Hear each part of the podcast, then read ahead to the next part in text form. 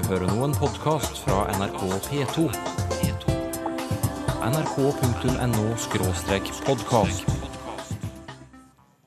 Hanseatene i gamle Bergen snakket nedertysk og påvirket norsk språk.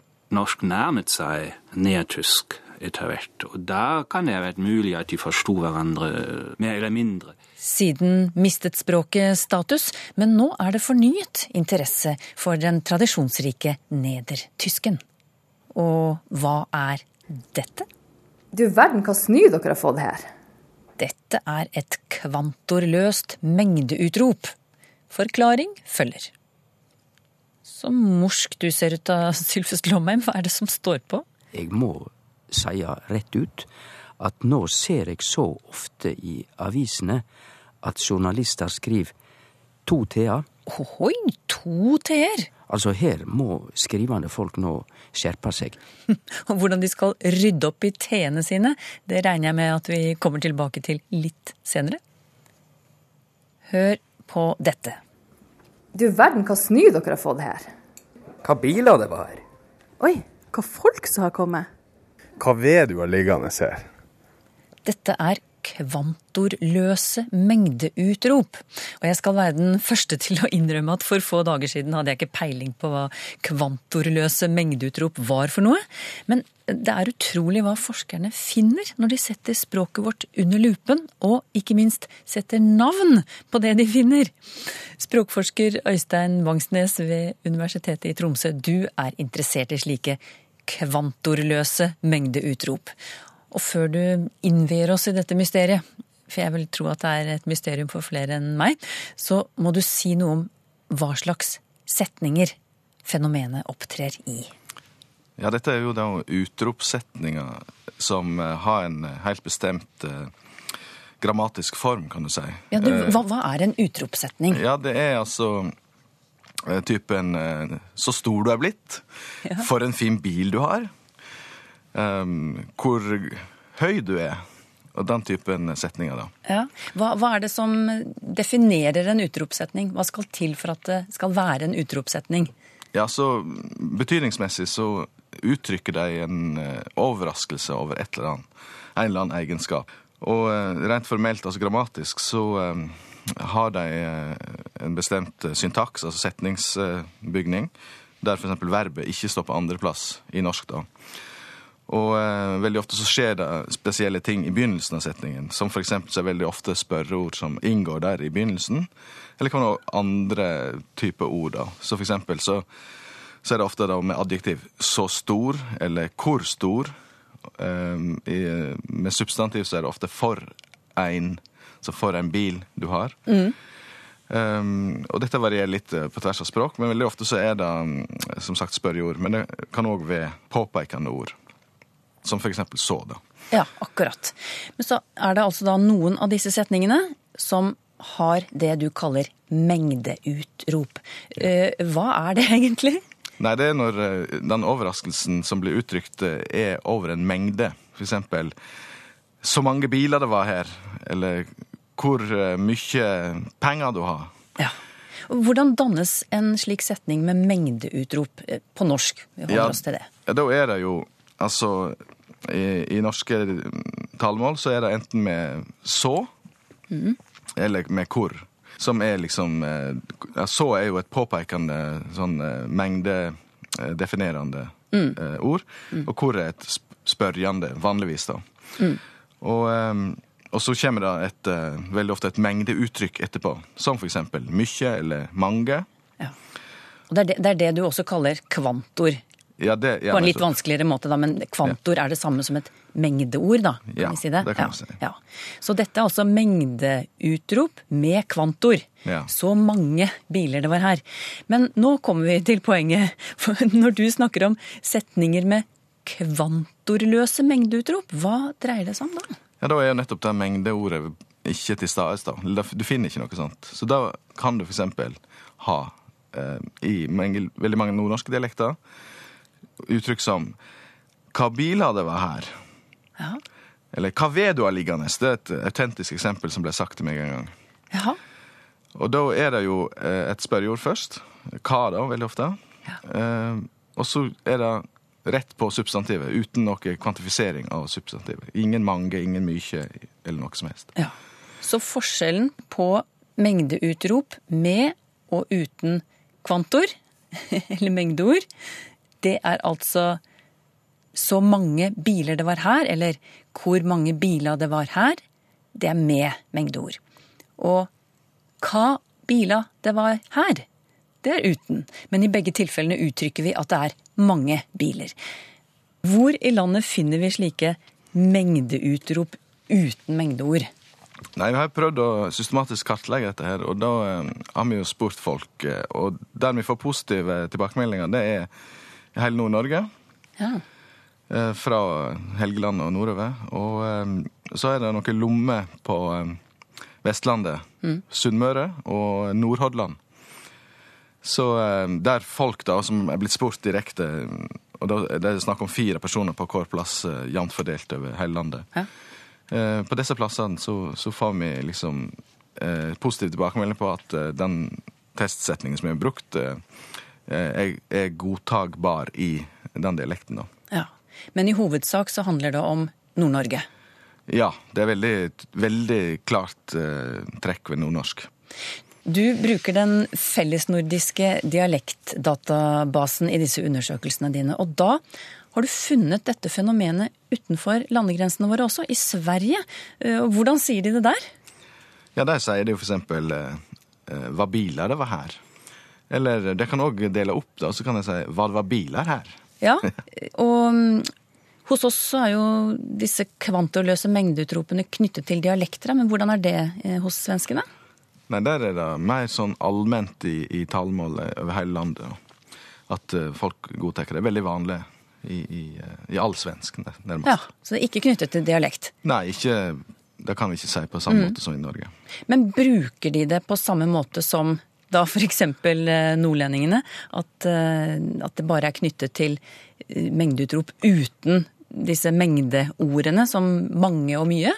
Ja, Der er det jo en liten de detaljforskjell mellom norsk og svensk. Fordi eh, når vi har i norsk da et mengde ord til stades, så vil vi ikke bruke hva, men vi bruker hvor. Så vi sier hvor mange biler det var her, men vi sier hva biler det var her. Mens svenskene de bruker hva i begge tilfeller. Så de sier altså hva biler det var her, og hva mange biler det var her. Ah, en liten forskjell, altså. Ja, en liten ja. detaljforskjell der. Men eh, innen Norden, da, er dette spesielt for nordmenn og svenskene, denne varianten, eller finner dere det andre steder i Norden også? Vi har ingen indikasjoner på at, eh, at de har noe sånt i dansk. Og eh, heller ikke i eh, islandsk og færøysk. Så det virker som det er knytta til, til norsk og svensk, ja. Ja, hvorfor har vi dette felles med svenskene, da? Nei, Det er jo et eh, godt eh, spørsmål, et interessant spørsmål. Og særlig at det er et nordlig fenomen i norsk. da. Eh, Og det kan jo rett og slett være pga. en kontakt som har vært eh, i nord. da. Der altså dette fenomenet har på en måte breid seg eh, ja, inn i Norge, kanskje fra Sverige. Men det vet vi jo egentlig ikke så mye om. Og så er det òg spennende at du finner liksom en, en kobling fra Nord-Norge til Vest-Norge. Og det kan jo ha med, med mm, samkvem langs kysten å gjøre. Ja, handel eksempel. Takk skal du ha, språkforsker Øystein Vangsnes ved Universitetet i Tromsø. Det nedertyske språket har hatt stor innflytelse på norsk, ikke minst pga. handelsvirksomheten i hansatiden. Nedertysk, også kalt lavtysk og plattysk, ble snakket av dem som bodde på flatlandet nord i Tyskland. Fremdeles er disse dialektene levende, og nå opplever nedertysk en renessanse. Kom du om midnatt, kom du klokk én. Kom du omkring midnatt, kom klokka ett. Ik slapp alein. Gisela Gunther i Kiel synger en sang hun kan på nedertysk. Ik slapp alein. Eg søv åleine, lyder teksten, kakk på kammerdøra. Klappande kammerdør, farande klink. Far meiner, mor meiner, at det er vinden. Fader meint, mora meint, at det er vind. En kan bli slått av hvor mye ord og vendinger som verker nært norsk, i språket som før var einerådande i Nord-Tyskland. I dag er det ikke lenger så mange som har nedertysk som morsmål. Min moderspråk var klingst du skjøn? Hva bist du mi vertro. Men Heinke Karstens har det som sitt mål, som moderspråk, som det heter i et nedertysk dikt av Klaus Groth. Du bögst min stive nack så lich as moder med en arm. Du bøyer min stive nakke så lett som mor med armen sin, skriver han om moderspråket som kling så fint. Min moderspråk var klingst du schön. Men Heinke fikk ikke bruke morsmålet sitt i skolen som lita jente. Der var det ikke rom for nedertysk eller lågtysk, det tradisjonelle språket på det flate låglandet nord i Tyskland. Platt-tysk er et annet navn på det. Platt med opphavlig tyding ekte, uforfalska, men etter hvert også assosiert med flatlandet. I skolen var vi pliktige til å bruke høgtysk. Læreren Lehrer bare høgtysk med oss. Da Læreren snakka bare høgtysk med oss. Unmodern. Dessuten var det litt umoderne å snakke platt. Eigentlich nur noch die bäuerliche Bevölkerung. Det var egentlig bare bondebefolkninga som gjorde det, sier Heinke Karstens. Im Augenblick ist es aber so, äh, dass die Sprache eine Renaissance erlebt. Also Men nå opplever nedertysk en renessanse. En prøver å få mer liv i det, wieder also die Dinge lebendig zu machen. med mer eller mindre suksess. Macht man mit mehr oder weniger Erfolg. Ich schnack platt, du schnackst platt. Kinder schnackt nur wieder platt. Og renessansen for plattysk kan en merke ved at flere skoler og barnehager tar det i bruk på ulikt vis. Welt noch nicht kann Mott dat lernen. Plattdütsch schnackt wie ja so gern. Ich schnack platt. Kursmateriell er gjerne tilgjengelig over internett, som dette på skoleportalen for Oldenburger Münsterland vest for Bremen. Lektion 2. Dat bin ich. Ja, das, hat, das ist eine interessante Entwicklung. Ähm, Das Niederdeutsche soll in der Tat äh, aufgebaut werden als ein Schulfach. In Hamburg ist das tatsächlich auch schon. Det er ei interessant utvikling at nedertysk nå skal bygges opp som eget skolefag, sier professor i nedertysk Mikael Elmenthaler. I Hamburg er det kommet i gang ti modellskoler, og i Slesvig-Holstein blir det også arbeid for å få det inn som undervisningsfag i grunnskolen. Das Problem var zum Teil, dass in Hamburg nicht sehr viele Lehrer zu finden waren, die selber noch so kompetent waren, dass sie Et problem i Hamburg har vært å få tak i lærere som selv er flinke nok i nedertysk, og det har derfor forsøkt å finne eldre folk med gode kunnskaper som samtalepartnere i skolene. Men flere lærere i nedertysk kan det bli gjennom den jobben som andre Mikael Elmentaler sjøl gjør. Han er professor ved nedertysk avdeling ved Christian Albrecht-universitetet i Kiel, og der får studentene undervisning i språket.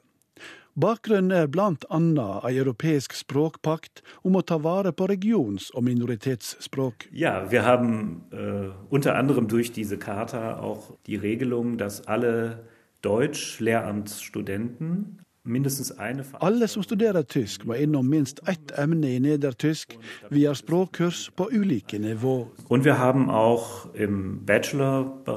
Og en kan ta nedertysk som del av bachelorgrad. Populære kurs som er godt etterspurte, sier Elmentaler. Universitetet i Flensburg har også nedertysk som del av lærerutdanning, sier han. At det nå er på vei inn i skolen, markerer et tidsskilje fra tidligere tider. For kort, bis ungefähr 20 år. Til for bare 20 år siden var nedertysk sett på som et trykksmål i skolen. Språket kunne være et hinder i undervisninga. Derfor brukte heller ikke foreldre språket overfor barna sine. Ähm, Das hat sich ein bisschen geändert, Nå har det endra seg en del. weil man heute den, die positive, positiven Wirkungen von Mehrsprachigkeit entdeckt hat. Ikke minst siden en har oppdaget den positive virkningen av det å være flerspråklig. Og språket er blitt mer populært. Und insofern ist das Image des Niederdeutschen besser geworden. Ich schnack platt, du schnackst platt. Alle schnackt wie platt. Men likevel, Tale på folk som snakket platt, eller som snakker plattysk, går raskt tilbake. Die Sprecherzahlen sind leider sehr stark rückläufig. Es gibt zwei Målinger har synt ei halvering på de siste 25 åra av folk som snakker det nordtyske språket, som egentlig ikke er et enhetlig språk, men en familie av ulike dialekter. Det er en betenkelig utvikling, sier professor Michael Elmenthaler. Hat sich auch strukturell schon sehr stark dem Hochdeutschen angenähert. Og legg til at det nedertyske talemålet alt har nærma seg mye høgtysk. Selv om en regner med at flere hundre tusen fremdeles snakker nedertysk, er det ekte nedertyske i dag et truga språk. Men de slange var sneidiga ved alle de derte de erden De godt Men for noen hundre år siden var det helt annerledes. det ser det til dem vive, godt gebaden, Dette er nedertysk fra den såkalte Lübeck-bibelen fra 1494. dem antverde det dat viv, Den som leser Heinz Peter Prell, professor i tysk språk og eldre tysk ved Universitetet i Oslo. Nedertysk var et svært utbredt språk i si tid, i Hansa-tida. I glanstiden iallfall var den meget utbredt. Selvfølgelig i Nord-Tyskland, eh, med utstråling og nedover til, til Middeltyskland også. Den ble brukt i deler av, av Øst-Europa, de baltiske, baltiske statene først og fremst, og selvfølgelig Skandinavia. Det var et felles nordeuropeisk forretningsspråk, sier Prell, men langt mer enn det. Det var et fullt etablert språk, også et skriftspråk. Altså ikke bare dialekter, men et skriftspråk som ble brukt på de fleste domenene, de fleste bruksområdene. Det finnes til dømes mange rettstekster, byprotokoller og kunngjøringer på nedertysk fra hansatida, i tillegg til forretningsprotokollene som kjøpmennene førte. Nedertysk var altså brukt på de fleste områder, men Litt bortsett fra, fra skjønnlitteratur, det, og det spilte også en betydelig rolle da det gikk nedover med, med nedertysk. For når nedertysk etter hvert forsvant som skriftspråk omkring 1650, hadde det ikke bare med nedgangen for Hansaforbundet å gjøre. Adelen i nord sverma for litteraturen på språket som rådde i Midt- og Sør-Tyskland. Adelsklassen hadde jo sin egen litteratur, sin, sin ridderlitteratur, og den var skrevet på høytysk. Så adelen i Nord-Tyskland hadde fra før en orientering sørover og eh, satte pris på den høytyske litteraturen. Dermed ble det offisielle skriftspråket i Tyskland et språk som ligger fjernere fra norsk enn den gamle tysken i hansatida. For nedertysk ligger nærere norsk, stadfester Prell. Ja, det, det er helt sikkert, ja. Nedertysk ligner mye mer på, på de gamle germanske språkene enn høytysk gjør det. Og forklarer det blant annet med Eh, ja, Nedertysk har jo beholdt annet de, de gamle konsonantene PTK. Orda for til dømes tann og tid på norsk er således også tann og tid på nedertysk, men er forskyvd til tsan og tseit på høgtysk. Nedertysk har også flere vokaler nærere norsk, forklarer Prell. Nedertysk hus, men høytysk eh, haus, nedertysk min, høytysk mein, osv. Et spørsmål blir jo da om nedertysk var så likt norsk og andre skandinaviske språk at hansiatene kunne bruke nedertysken til å kommunisere med, blant annet med nordmenn i hansabyen Bergen. Ja, ganz sicher. Ja, doch. Also da gab es mit Sicherheit eine Verständigungsmöglichkeit. Professor Mikael i Kiel er sikker på at de hadde mulighet til å forstå en annen. Forskere går ut fra at de hadde såkalt semikommunikasjon.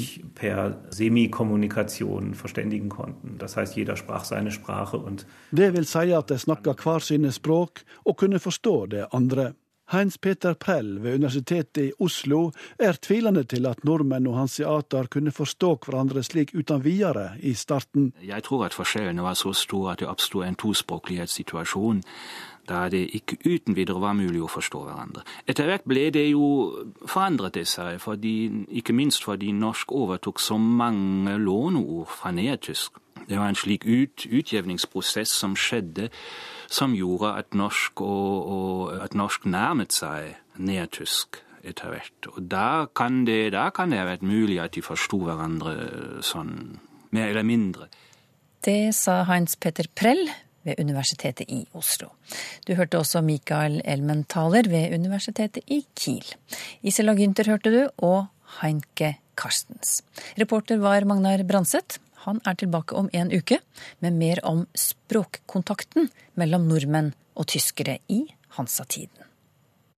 Vi har allerede mottatt en del lytterspørsmål om ord og vendinger knyttet til julen. Men vi vil gjerne ha flere, ikke sant, Sylfest Lomheim? Å ja da. Mm. Det kan være hentet fra julesanger, fra juletradisjoner, julemat eller annet. Ti av dere får Språkteigens krus eller T-skjorte, så husk adresse og eventuelt størrelse. Send til teigen krøllalfa nrk.no eller Språkteigen NRK P2 7005 Trondheim. Dette kommer vi tilbake til nærmere jul, men nå gjelder det dagens spørsmål. Blant annet dette fra Karina Skilbrei. Hvor kommer ordet setning fra, og hva betyr det? Setning er rett og slett danna av å setja. Det som er sett fram, det er ei setning. Og derfor er setning samme ordet som vi også har i sammensetning, for det er det som er sett sammen. Hans KR Finkenhagen spør hvorfor heter det uuttømmelig, uunnværlig osv. Holder det ikke med utømmelig, altså noe som ikke lar seg tømme? Det skulle en tru, og eh, det gjør faktisk det. Det holder med å si utømmelig, for da er det å tømme, og når noe er Når du ikke kan tømme noe, så er det utømmelig. Men språket er finurlig. Språket er ikke matematikk. Det går an også å seie å tømme ut.